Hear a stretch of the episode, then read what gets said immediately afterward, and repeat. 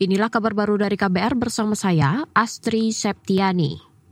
Badan Pusat Statistik atau BPS mencatat total impor beras sepanjang periode Januari hingga Juli 2023 mencapai lebih dari 1 juta ton. Kepala BPS Amalia Adininggar Widyastuti mengatakan beras impor itu didatangkan dari Thailand dan Vietnam. Uh, selama bulan Januari sampai Juli 2023 itu berdasarkan catatan BPS mencapai 1,1 juta 1,17 juta ton atau kalau nilai impornya adalah senilai 627,2 juta US dollar. Kepala BPS Amalia Widyastuti mengatakan Thailand mengambil pangsa impor sebesar 50 persen, sementara Vietnam sekitar 45 persen. Sebelumnya, Kepala Badan Pangan Nasional atau Bapanas Arif Prasetyo Adi mengklaim rencana Indonesia mengimpor beras tidak akan terganggu, meski India menghentikan ekspor beras mereka sejak akhir bulan lalu. Arif mengatakan, India tidak masuk dalam negara yang menjalin kontrak impor 2 juta ton beras yang tengah dikerjakan pemerintah. Saudara kita ke lantai bursa.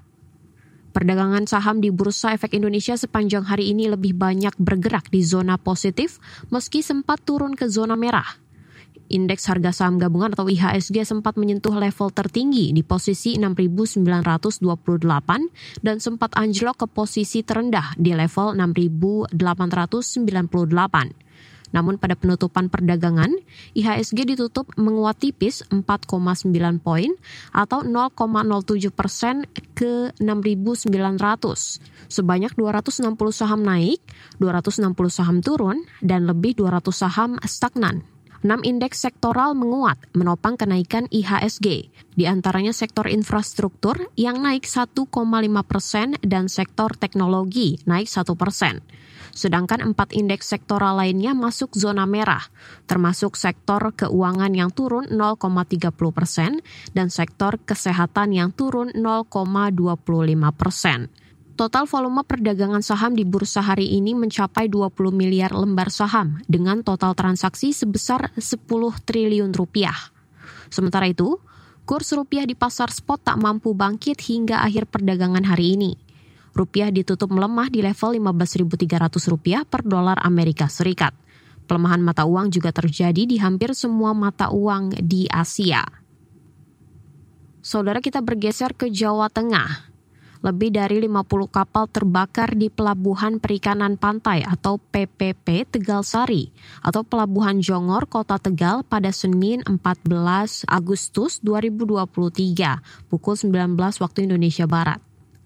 Direktur Polisi Air dan Udara Polda Jawa Tengah Haryadi mengungkapkan tidak ada korban jiwa dalam kebakaran tersebut. Ya teridentifikasi 52 kapal yang uh, terbakar untuk penyebab kebakaran ini masih dalam penyelidikan oleh tim lapor Polda Jawa Tengah.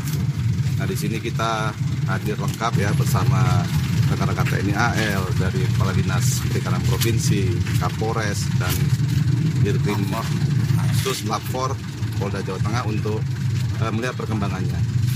Nah, nanti kita juga sudah Direktur Polisi Air dan Udara Polda Jawa Tengah Haryadi menambahkan, angin kencang di sekitar pelabuhan membuat api cepat menjalar ke kapal yang tengah bersandar. Namun penyebab kebakaran belum dapat dipastikan.